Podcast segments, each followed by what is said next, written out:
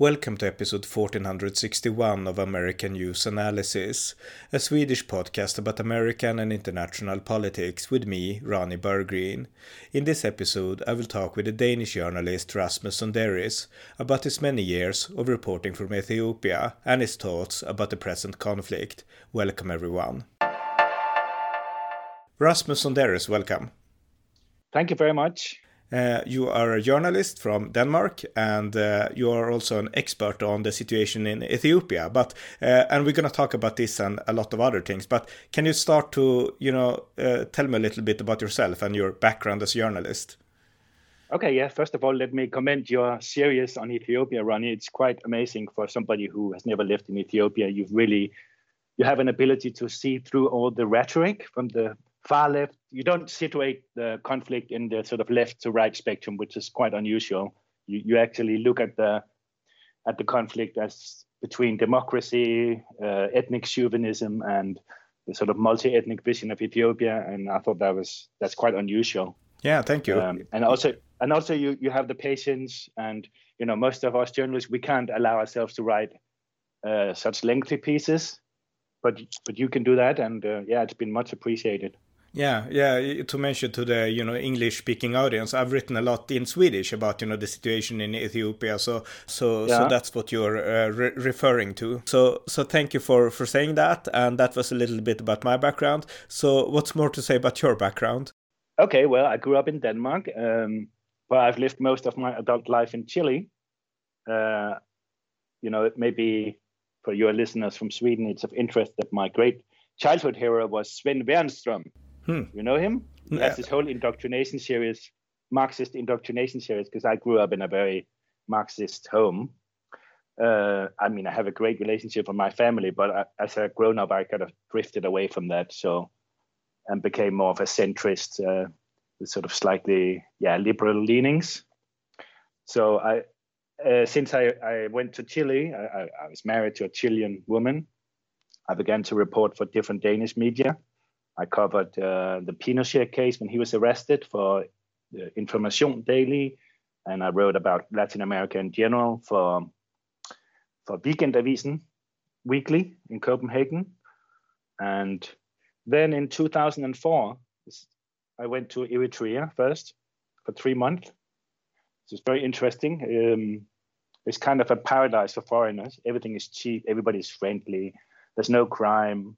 But definitely a hell for the people living there because they have uh, eternal military service. Everybody was complaining. Everybody saying, "Go to Ethiopia. It's free. It's democratic." You know. So I went to Ethiopia via Yemen, which you had to do it back then. Hmm.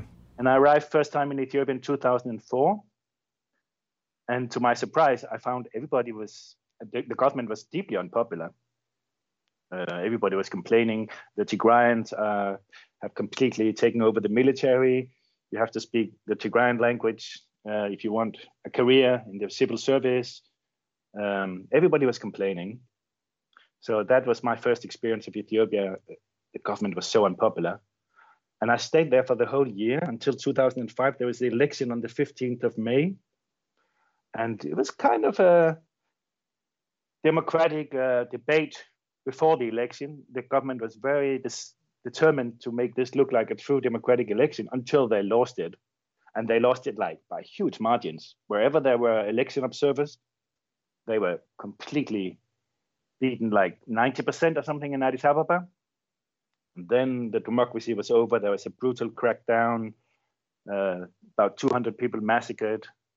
And at that time, I got married to an Ethiopian woman um, and we moved back to Chile, but I've been in touch with Ethiopia ever since and been very interested in Ethiopian politics. Uh, I lived there from 2012 to 2018, reporting mainly on adoption cases. I couldn't write openly about Ethiopian politics, I'd just get deported. Um, so, yeah. Well, very interesting, and you know, uh, we're gonna talk a little about a little, a little, bit deeper about your, you know, your experiences in Ethiopia. And one of the things you, mm-hmm. you mentioned to me is that you, you actually speak the, the local language. One of the local languages, Amharic. Is that correct? Yeah. Well, not fluently. I'm a bit of a linguist because I've, apart from being a journalist, I've been working as a translator uh, for the development aid industry yeah, writing text and doing translations about development aid. Uh, so I speak Spanish, English, and Danish, and I dabble in Portuguese and little French. And so when I arrived in Addis Ababa in 2004, I immediately I set about to learn Amharic. And I discovered how difficult it was. You know, at, at that age, I was in my 30s. It's it's a struggle to learn uh, such a different language, but I can get by. I can hold a conversation. Uh, you know, I have amazing conversations with taxi drivers and people in cafes and bars, all kinds of patient Ethiopians. Can you read? Yeah, but slowly, like a first grade kid, you know, like um, I, I can get through the headlines in the newspapers and then I feel very proud, but mm-hmm. I can't read uh, a political speech or I can't get through a whole newspaper articles. Uh, so yeah, that's a limitation. Yeah, see, before we dive into Ethiopia, this is actually a country that a lot of you know countries in Africa speak French and they speak English and I think Italian in Somalia, I assume. But uh, in mm-hmm. Ethiopia, they actually speak, you know, their native languages since like thousands years back. That's very interesting. Yeah, I mean, Amharic is not the native language of most Ethiopians, but all minimally educated Ethiopians speak it very well. You have to go really far out into the countryside to find people who don't speak it. Hmm. And English is spoken by educated Ethiopians. So you can still have, I mean, college educated Ethiopians. Um, and yeah, you can have, if, if I want a serious conversation, I would switch into English. But um, still, it gives you a feeling of the atmosphere. To, to be able to speak Amharic, even broken Amharic like mine, is it helps you so much to get out of the bubble, you know, of the of the diplomats and the foreigners and the highly educated Ethiopians I mean, you can travel around, talk to normal people what they think about politics, even if they need a lot of patience to understand my Amharic, and I need patience to. Sometimes I ask them to write down. Sometimes, you know, we take our time for them to explain what, they, their words. But uh, yeah, it's it's definitely a yeah but, huge advantage. Yeah because what i want to get to is that ethiopia is actually the only country i think it might be liberia too but the only country in africa that has not been colonized and that's the reason why they don't speak that's english right, or yeah. french and things like that. That's right yeah and um, it's also maybe a reason why they have a more sort of innocent view of europeans. You don't as a white guy you don't feel a lot of prejudice from ethiopians. They don't have I mean, you can have little kids jumping on you, you know, touching your skin or whatever, but you don't have all these sort of, um, well, I don't know what to call it, like chips on your shoulder, this sort of uh, suspicion that, oh, he may be a racist, uh, colonialist sort of thing. You, you, don't have any of that. People, do, do, do you have that in other African countries? Yeah, you can get a bit of that in South Africa, even if they're very nice in South Africa and Uganda, whatever. But they, I would say they, they they got the European racism under their skin in a different way because it was they they at least the grandchildren or oh, sorry the grandparents felt that uh, yeah you get a little bit of prejudice I think in in other parts of Africa. It's not it's not huge it's not debilitating it doesn't stop you from making friends or anything. But in Ethiopia it just feels more innocent in that sense that they look at you as an individual yeah. I've I've I never had uh, any feeling of, I feel like a foreigner because the culture is alien to me.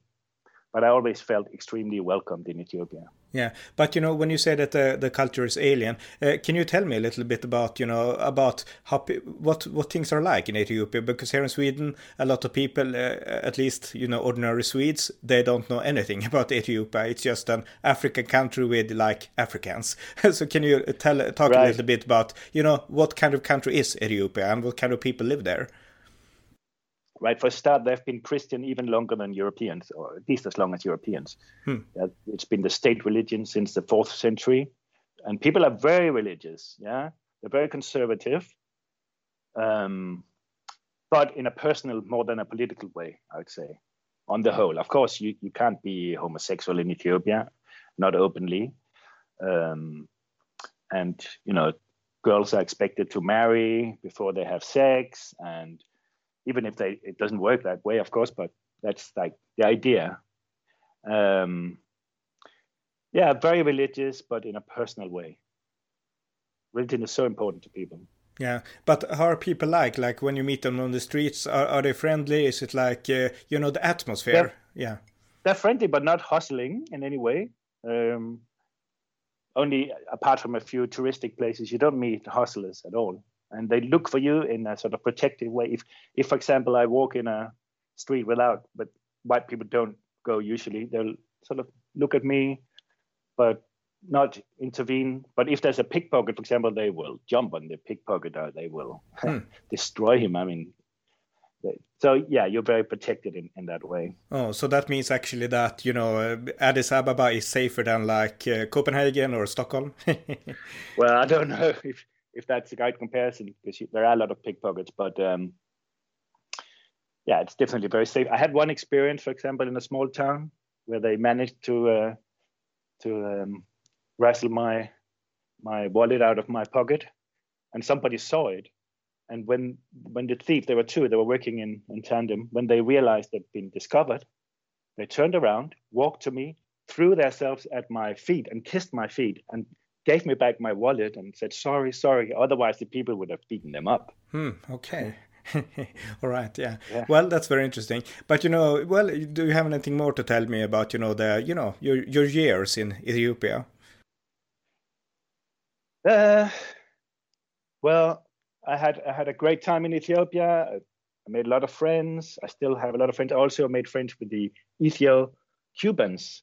That's there were some 30,000 Ethiopians who went to study in Cuba when Ethiopia was communist from 74 more or less, especially after the Ogaden War in the late 70s, 77, 78, when Cuban soldiers came to help Ethiopia. And so after that, the the children of fallen soldiers went to study in Cuba. Hmm. And so they speak Spanish. I speak Spanish too. So I've made a lot of friends among the Ethio-Cubanos. Maybe that's a, it's another detail. Yeah, but that's very interesting. Uh, you know, uh, we're gonna focus on the present conflict here, and in 2018, right. uh, the the Ethiopian government became democratic. They got a new prime minister, Abiy Ahmed, and uh, right. Uh, I don't know if you were in Ethiopia during that you know transformative years, but uh, what are your thoughts about you know this long you know democratic process in Ethiopia? Yeah, I think I actually I left it in the early uh, nine, sorry 2018 i went back to chile.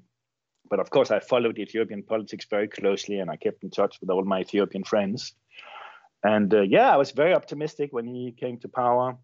I knew how much people hated the tplf dominated government. And yeah he seemed like a, a fresh breath of, of air. Uh, yeah i was very optimistic everybody was at the yeah, time. Yeah, we can mention to the listeners that, you know, uh, remind the listeners that uh, during the past uh, almost 30 years, the TPLF, uh, the regime from, well, they originate in Tigray, uh, they've been controlling the Ethiopian government like almost like a di dictatorship, not not a formal dictatorship, right. but like a autocratic, you know, pseudo democracy at least. Yeah. And uh, I, I think I think yeah. it's important to nuance this a little bit because I mean, right now, when we're in the middle of the war, everybody is sort of um, piling on the TPLF, how horrible it was. It was, in many ways, it was corrupt, it was uh, definitely oppressive, but people were quite pragmatic about it on the whole, at least until 2015. I mean, a lot of people cooperated with the regime, including Abiy Ahmed. I mean, he was from from their ranks. Uh, I think that's important to include because Ethiopia has never been a democracy. People didn't have high expectations of their government. So, you know, yes, TPF was oppressive, it was a dictatorship, but Ethiopia had never known anything much better than that. Oh. A lot of people are nostalgic for the emperor or whatever, but you couldn't, he definitely wasn't democratic either. There's never been a time in Ethiopia where you could be openly in opposition to the government and not expect to go to prison until Abiy Ahmed came to power. Very interesting. And even today, you know, even today, people say that, yeah. Yeah, so so dur- during the emperor, you know, you got arrested if you you know voiced political opposition. During the communist era, you got you know maybe executed if you voiced political yeah. opposition, and the same thing during TPLF. So yeah. Uh, yeah, not until 2018 it became truly democratic. Exactly. After 2018, there was a, so much press freedom, quite unbelievable. Um, you know, you had uh, cartoons of the prime minister and yeah, it was quite it was quite uh, startling to to experience. Uh, but how, how did how how came you know why did not uh, Abiy Ahmed and his government do like you know his predecessors like start his own autocratic regime? What what what was the big you know diff, what made Abiy Ahmed different from the other you know former rulers? Well, remember how he came to power? There'd been a lot of popular protests, uh, some of them ethnically based, some of them, you know, general demands for democracy.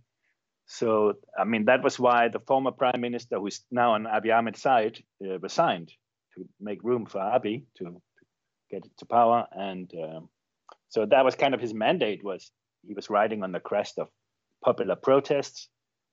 Um, nobody expected him to be a complete Democrat from the beginning, and everybody knew he'd have to to struggle with the with the old guard but he moved maybe too fast for his own good. But he moved very fast. He released all these prisoners.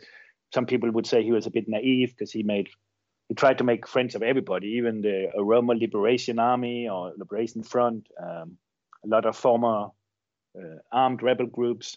In the beginning, he was just trying to co-opt everybody, and that did backfire in a bit in a in a way because when a lot of people forget that when he got the Nobel Peace Prize in 2019, right? December yeah. 2019, there were 3 million internally displaced people in Ethiopia due to ethnic clashes. And actually, Tigray looked like the, the quietest place in Ethiopia. And I was sort of thinking Tigray is the least of his problem, right? There's the old guard up there, but they, they give him a lot of trouble. They, they, they protect torturers and thieves from the old guard.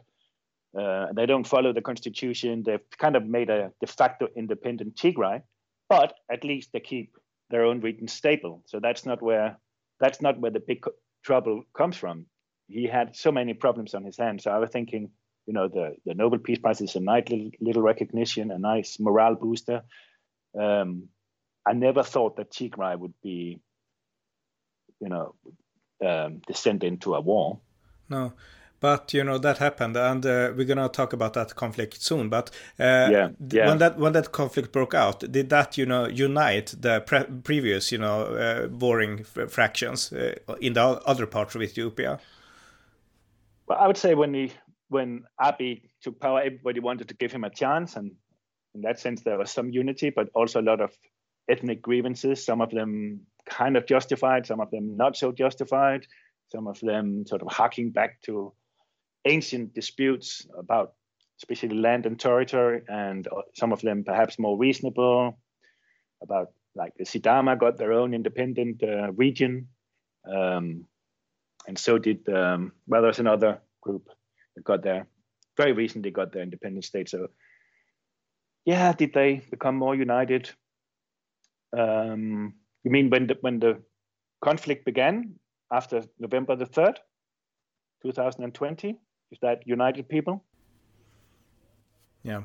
Uh, I, I was going to mention that you know Ethiopia has like 80 different uh, peoples you know uh, so, yeah, yeah. so so there's a lot of thing you know to to you know to you, you have to be good to network and connect and you have uh, you have you need to have a good social ability to to hold the country together which uh, consists of so exactly, many yeah. different peoples. Yeah. So anyway the conflict broke out uh, november 3rd uh, 2020 uh, abiy ahmed had ruled for like uh, two years i think and tplf who held their region in tigray in the northern part of ethiopia they basically attacked um, the military, the federal uh, government's military bases uh, in the region, and then a war broke out. Uh, can you, you know, tell me about, you know, the big, you know, uh, you, just, you know, draw the map uh, about the war? Yeah, a lot of people were saying that Tigrayan, the TPLF, is supporting all these ethnic chauvinists in different sort of corners of the of the Ethiopian state, and we need to get to the root of the problem, get rid of them. It's going to be easy, you know, just root them out. And I always thought, no, it's not going to be easy because the TPLF, unfortunately, do have some popular support in Tigray. I, have experienced that because I knew how deeply unpopular Meles Zenawi, the TPLF, EPRDF regime was in Ethiopia, but not in Tigray. You know, in Tigray, you would see pictures of Meles Zenawi in people's living rooms. And I knew that all the Ethiopians were saying, "Oh yeah, we love the Tigrayans. We love their culture. We love their language." Um, um, we we love our neighbors, our colleagues, our friends from Tigray, but we don't talk politics with them. mm. You heard that comment quite a lot, so I knew it was not going to be easy. And a lot of people in Addis Ababa were also saying, you know, it's, it's not a good move. You know, he should just have withdrawn completely, and le- maybe the events following that have shown that he didn't have much choice because if they were willing to attack, maybe they would have attacked. Maybe if he'd just withdrawn, they would have t- gone on to attack. Maybe they had a plan really to maybe not um, take over the Ethiopian government, but to destroy Ethiopia basically and say, look, this is what happen, happens when we don't rule the country. No, you can't rule it. We we can do it. Ethiopia takes a, a heavy hand to rule, and uh, you overthrew us, so now we we show you. Yeah, yeah. that was. But yeah, because if you if you summarize the, the conflict, you know, uh, one year has passed since the conflict broke out, and the Ethiopian government has basically, well, uh, we, we could say that they have won, and the TPLF has been driven back to Tigray. But when you said that uh, the the people in Tigray support the TPLF, is that like a genuine support, or is it like you know everyone in North Korea supports you know the Kim Jong Un and yeah. everyone in everyone in Cuba, not everyone, but a lot of people support the Castros? Is it like a confession, like a is it genuine? Well, I don't know. It's impossible to know, right? Because um, it's they've never had freedom of expression in Tigray. Um, but you know, when I meet Tigrayans outside of Tigray, at least you would expect them to say what they think, and I would say most of them do support TPLF, unfortunately. But I wouldn't say all of them. Of course, I've met lots of Tigrayans who don't. But yeah, a, a lot of them maybe they're a bit apolitical. They feel they're in a delicate situation. They feel this sort of conflict between tribal loyalty and, and free thinking. I'm sure that's the case for a lot of them. Yeah. But I think we would be lying to ourselves if we said, oh, the TPLF just a dictatorship. They don't have any popular support. They do, unfortunately. And Abiy also said that. He, he, he mentioned that as a reason that he wasn't going to pursue the TPLF any further after uh, kicking them out of Afar and Amhara. A lot of people were expecting him to go into Tigray and, and root out the terrorists once and for all. And he chose not to do that, which was probably a, a wise decision. We, who knows? I mean, maybe they they will then attack. Who knows? Maybe they will have time to regroup. A lot of people were very upset about that. Yeah, but, but you know, uh, yeah. He, yeah, he mentioned that you know when he said that that we are not going to pursue the TPLF into Tigray, then a lot of people, uh, at least when I read it online, they got disappointed, and you know they they right. started to talk about you know Abiy Ahmed is weak, he's he's a coward, he's like you know American puppet and oh, things oh, but, like that, and you know that's obviously yeah. not true. He has a very realistic view on the situation. Exactly, but it's true though that he is weak in the sense that you know if he'd been strong, this would never have happened, right? And he that's why he had to rely on Eritrean allies and also the Fano militia, although they they have done heroic acts to save Amhara from being overrun by these marauding uh, hordes of of um, yeah of TPLF troops. Um, but it is an ethnic militia, right? You, sh- you sh- the central government ought to have monopoly on on violence, and you shouldn't it shouldn't have to rely on ethnic militia. It's always a danger that there will be atrocities and vengeance and so yeah, in that sense, it's true. He's weak. I mean, he had like 70, 80 percent of his armory taken over by the TPLF on on the night between the third and the fourth of uh, November 2020. Uh, and that's what I find so. Well, we get to that maybe later, but that's what I find that the West needs to understand that if you have they, they keep saying, "Oh, we don't want Ethiopia to break up. We don't want an Ethioslavia. Yeah, hmm. you know, we want Ethiopia to be united. So that's why we're going to sanction Abiy so he understands what he must do. He must do what we say. Well, if you want Ethiopia to stay together, you have to strengthen the central government. You have to strengthen the forces of multiculturalism, and they're doing the complete opposite. So yes, Abiy is weak, and he needs to be strong for Ethiopia to to be saved. That's exactly. Let, let, let's let's get into you know the the Western perception of this conflict because uh, you, mm. you, hit the button. It's like here in Sweden at least, and I assume in most of Western Europe, and I know in North America, uh, the conflict is uh, described as uh, you know there are two sides, two different sides, and both are you know equally guilty right. of you know transgressions. Exactly. And yeah. that yeah. is not you know it's not correct to to make a moral equivalence between these two sides. Can you talk a little bit Absolutely. about that? Yeah, it's interesting because when you go into the discourse of the West in, in this conflict, you find so much pacifist grandstanding and oh there's no military solution and and uh, it's always all the emphasis on the humanitarian approach which is important of course but it's not the whole thing. We need the political analysis too right? Yeah. Um, so it's interesting this pacifism is applied to africa almost instinctively we don't think of african conflicts as big ideological struggles between democracy and fascism or whatever maybe if there had been Islamists involved, it would have been different, right? We, we don't say, oh, you must negotiate with Boko Haram or Al Shabaab, or no, we say we will support the legitimate government against those terrorist groups. And we don't apply this pacifism to our own security challenges. Uh, we don't, you know, say, oh, the US has committed terrible human rights violations in Afghanistan and Iraq, so it's better if Saddam and the Taliban get into power. We don't say that, or it, we must treat them as equally bad. You know, we don't say that. So why didn't they recognize the security challenges of Ethiopia? Um, yeah, and and the, the, another thing that you know you listen to a lot of the other side uh, rhetoric about neo-colonialism and all these Europeans. They just want to rule Africa. They just want to uh, destroy the strong African leader. Yeah. Mm-hmm. Actually, I can understand that rhetoric where it comes from, the anger and the disappointment, but it's not actually true.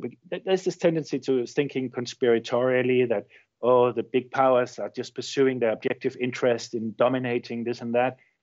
But if you think at it more sort of simply, it doesn't actually work like that. At the individual level, you have the, the persons working for the aid organizations or for the for the, the Ministry of Foreign Affairs of Sweden or Denmark, and they think about their next promotion, and that that means pleasing their political bosses, and the political bosses thinks about getting votes, and that means, you know, looking like you care a lot about Africans suffering, and so they the politicians tend to follow the media rather than the political analysis. That's what I what I find in this case. I had to review my own It's like the politicians, they follow in the footsteps of the media what they perceive to be the popular mood rather than an objective political analysis. Yeah, I totally agree, and that's you know especially true here in Sweden because no one, not a lot of people knows that much about Ethiopia. But I do agree with you. Exactly. You know, I support this. You know, this no more movement. It's it's awesome. It's great, right. and you know they have done a lot of good to to you know to tell the truth about this conflict. But they have this like this is a neo-colonialist project to you know right. to, to yeah, you know yeah, to, yeah. to you know to the, to end Abiy's government, and it's it's more complicated than that. That's a matter of exactly, fact. Yeah. Uh, but exactly. you know, yeah okay, continue if you have something more there to, to add about but that. I was just saying, even even if you if you take, for example, Jeffrey Feltman at face value, look at what he says in all his press briefings or whatever. He, he example, is the, he, he is the United States uh, he, ambassador yeah, to the Horn of Africa. He, yeah. yeah, he's yeah he's just been dismissed, uh, but he still has one month or something to go, a few weeks to go. But anyway, yeah, he's been the special envoy of Biden, and he's a kind of a career diplomat. And he says, for example, in one press briefing in early November, he says uh, is very popular. Yeah, he's democratically elected, basically not perfect elections, but okay, Ethiopia's baby stepping into democracy. Ah, great, he's recognizing that. That's quite important, isn't it? And then he says uh, the TPLF at the doors of Abiy, at, of Addis Ababa, the capital, or let alone moving into Addis Ababa, would be a bloodbath situation. He uses that, that is kind of spine-chilling phrase, isn't it? A bloodbath situation. Yeah. He recognizes that as well. And then he says, but we're not taking sides. We don't take sides. He says that like three or four times in, in just one speech. We're not taking sides. So you're not taking sides against those who want to commit a bloodbath on the capital, against the legitimately elected government. What's going on? That's it is like you're taking the side of the terrorist. If you, it's like, can you imagine Denmark and Sweden saying, "Oh, we're not taking sides between ISIS and the U.S." Or I mean, it's just absurd. But if you take it at face value, it, he's actually saying but he it comes from from from his viewpoint. I think that's what he means. We're not taking sides because these are Africans, right?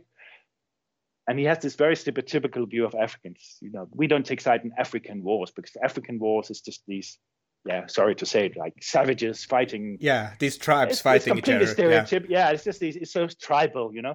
It's completely stereotypical, and they don't see that. Yeah, there are actually tribal tendencies in Ethiopia. Definitely, there are lots of um, dangers. I would even say, yeah, there's the potential for genocide in, in Ethiopia, but it doesn't come from. Abiy side is the most multicultural, multi-ethnic coalition. His minister of defense is Tigrayan. Nobody mentions that. Uh, the the CEO of Ethiopian Airlines, this superstar government-owned company of, of Africa, is Tigrayan. They keep saying, "Oh, he must he must be about to, you know, um, flee the country." Uh, well, he keeps he keeps uh, uh, administrating um, Ethiopian Airlines. Yeah, because this is He's very interesting. There. Yeah, yes, yes, because this is very interesting because you know the uh, a lot of people has drawn the comparison to to the situation in Rwanda, and they have said that like, yeah. oh, now it's gonna a new genocide gonna start, and you know the the Ethiopian right. government will will kill every Tigrayan in the you know in the northern part of the country, and that yeah. this this is like that, yeah yeah, uh, yeah say talk a little bit about that about that perception of of, of the situation because what what people what people don't understand understand there is that the government, the federal government, Abiy Ahmed's government, is actually a democratic government. He has the same belief yeah. in democracy as any Western country, and we don't seem to realize that. Yeah, right. So this has always been the line of TPLF. Whenever, when anybody criticized them, all the way back to 2004, the election campaign in 2005, they always say, they accused their opponents of being Interahamwe or you know the the Rwandan genocidaires they always use that accusation, oh, you want to kill all the Tigrayans. It's absurd. I mean, Tigrayans are that integral part of Ethiopia. Of look at all the Ethiopian diaspora communities. Until this conflict began, Tigrayans were always welcome in all the events, um, and people intermarry a lot in Ethiopia. So it really is an absurd accusation. Still, when the conflict began, and I was kind of like saying, mm, "This is not voting well. This is not, you know, probably not a wise decision, but I hope I never went to the extreme of saying I hope he loses. I mean, I, I did hope the Ethiopian federal forces would prevail, but I also thought it was a very dangerous gamble, you know.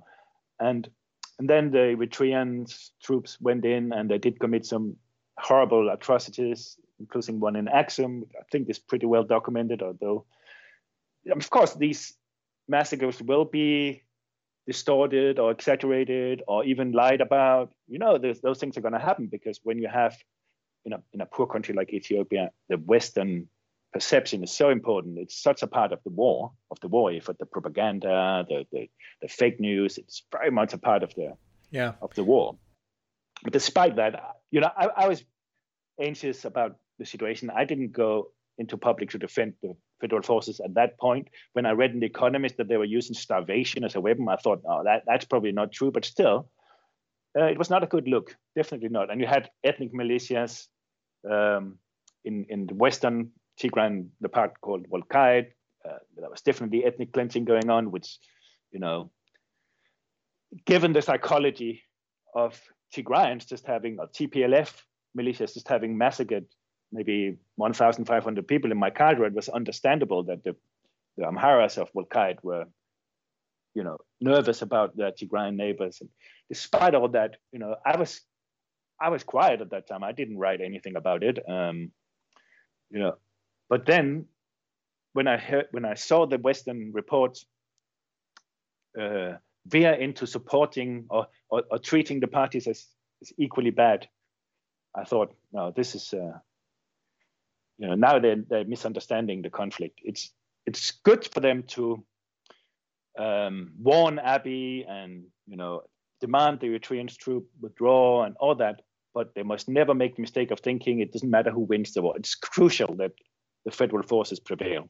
Otherwise, Ethiopia is, is going to descend into a hellhole for decades. Yeah, I totally agree there. But you know, yeah. what what is the reason that you know because here in Sweden we have like uh, two or three correspondents uh, who you know comment on Ethiopia, and uh, according to me, they are very lazy. They don't know that much, and yeah. they, they they are uh, uh, my own personal. I don't think they're activists. I can't imagine that, but I believe that they are very they are very lazy. At least here in Sweden, very they might lazy. yeah they might be uh, you know they might have other motives, more you know darker motives in in other countries and so. But here in Sweden I think they're lazy.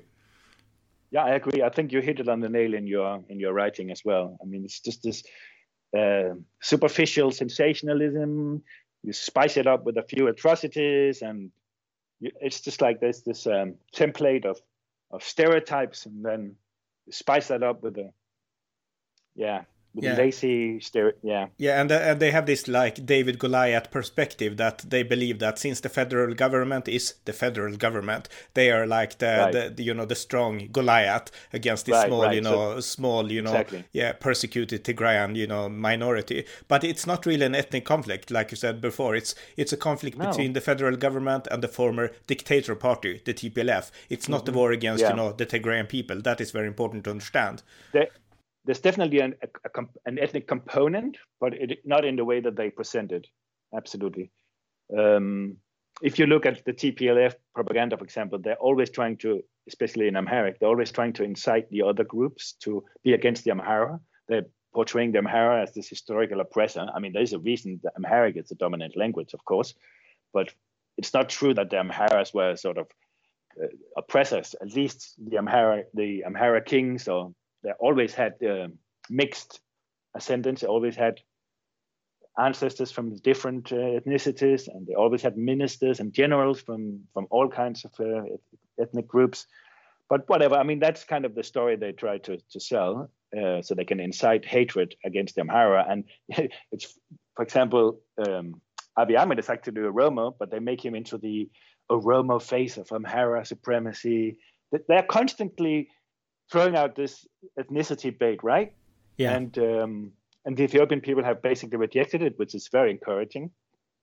Um, in that sense, the ethnicity is important, but not it's not as simple as crude as just one tribe against another.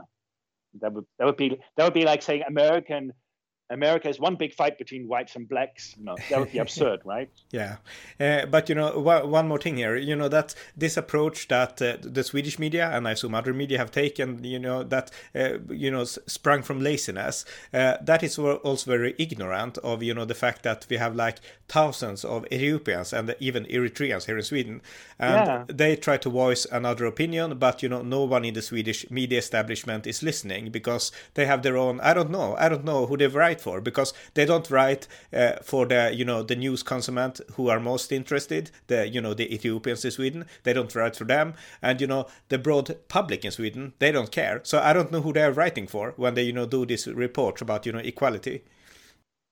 Yeah it's the same in every country in Denmark especially in America. You know Declan Walsh is just as bad from New York Times but who's their uh, audience? Uh, who's their who's their audience? It's like is there like you know writing for their own colleagues? Is that the point, or is it like I don't know? No, I think they write for the general public, um, and the general public is quite ignorant of, and they have also, of course, the stereotypes about Africa. You say Ethiopian people say, "Oh, poor things," you know. They don't say, um, "Oh," they don't think of political struggles. They think of humanitarian disaster. So, yeah, it, it caters to those stereotypes. And yeah, they should listen more to the Ethiopians or even the Eritreans, but they're also very partisan and maybe they exaggerate or, you know, they definitely will tend to distort the news that it's not convenient to their the case they're making. Yeah, I have a question yeah. to you about Eritrea because you know a lot of people here in this in this present conflict, a lot of Eritreans and Ethiopians they stand together, you know, with the Abiy government against you know the TPLF, and the TPLF is a common enemy to the Abiy government, but also to Eritrea. But you know that makes mm. it easy to you know make you know some sort of comparison. You know that makes it easy to to ignore the fact that Eritrea is actually a dictatorship. Isn't that correct? Absolutely. Yeah, and you say Eritreans support Abiy, but uh, a lot of Eritreans actually support the TPLF as well. The Eritrean exiles who see uh, the TPLF as some sort of hope of overthrowing their their own dictator, uh, Isaias Afewerki. Hmm. So yeah, I, I, always say to them, don't let your yearning for democracy in Eritrea become the enemy of democracy in Ethiopia. But it's hard for them to understand why, you know, you have these regime loyal um, Eritreans walking alongside the, the Ethiopians.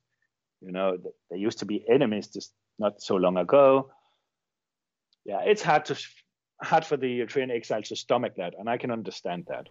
But, but but can you explain the fact that you know Eritrea is actually a dictatorship because you know uh, the TPLF was a sort of a dictatorship in Ethiopia and you know the the present government and the Ethiopian people they reject the TPLF because they want democracy not dictatorship but the dictatorship in Eritrea is actually at least according to you worse than even the TPLF in Ethiopia.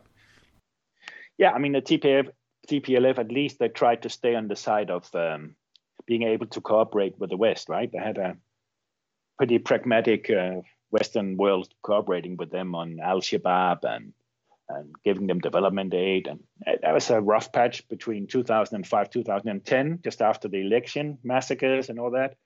Um, and yeah, I mean, they abused the judicial system a lot. For example, the, the singer Teddy Afro, he made a song against the government, and then he was arrested for supposedly having killed somebody in the traffic on a date when he wasn't even in the country. Uh, you know, the dead body was uh, a week too old. Nothing, and, and still he got he got sentenced, right? Um, so they abused the, the judiciary a lot. But there was a constitution, you know, there, you could say, you could uh, air constructive criticism to an extent. But in, in Eritrea, there's no constitution. the president uh, rules completely unopposed, and there are secret prisons, and there's uh, this military service lasting forever. So that's why you have this massive uh, exodus of of refugees from Eritrea. But I can understand, you know, when you're at war, you, you can't be so picky with your alliances. You know, look at the Second World War, the Western powers made an alliance with Stalin. Yeah. It's the best example I can think of. Yeah, but just yeah, I understand that. Yeah, I understand the alliance that is probably necessary in the in in the fight against the TPLF. But you know, just to have a perspective on things, you know, Eritrea is a dictatorship, and we even have a Swedish uh, journalist who is uh, well, he's been right, in yeah, prison yeah. there in like twenty years. Dawit Isaak is his name, uh, and uh, yeah. no one knows what have happened to him actually. Yeah, it's horrible. Yeah. Yeah.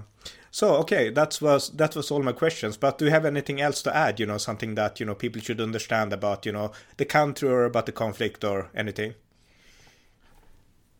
Well, I can understand why it's hard for people to grapple with it. It was for me too. I mean, I'd never have thought, me being a moderate centrist, I never thought I would side with the Ethiopian government against my own Danish government, for example, um, because you know, Denmark we stand for democracy and human rights, and oh well i was wrong.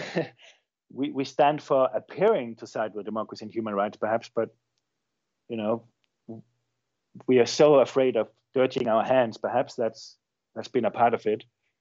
Um, we, we are more concerned with the appearances than the reality. That's what i feel about this case.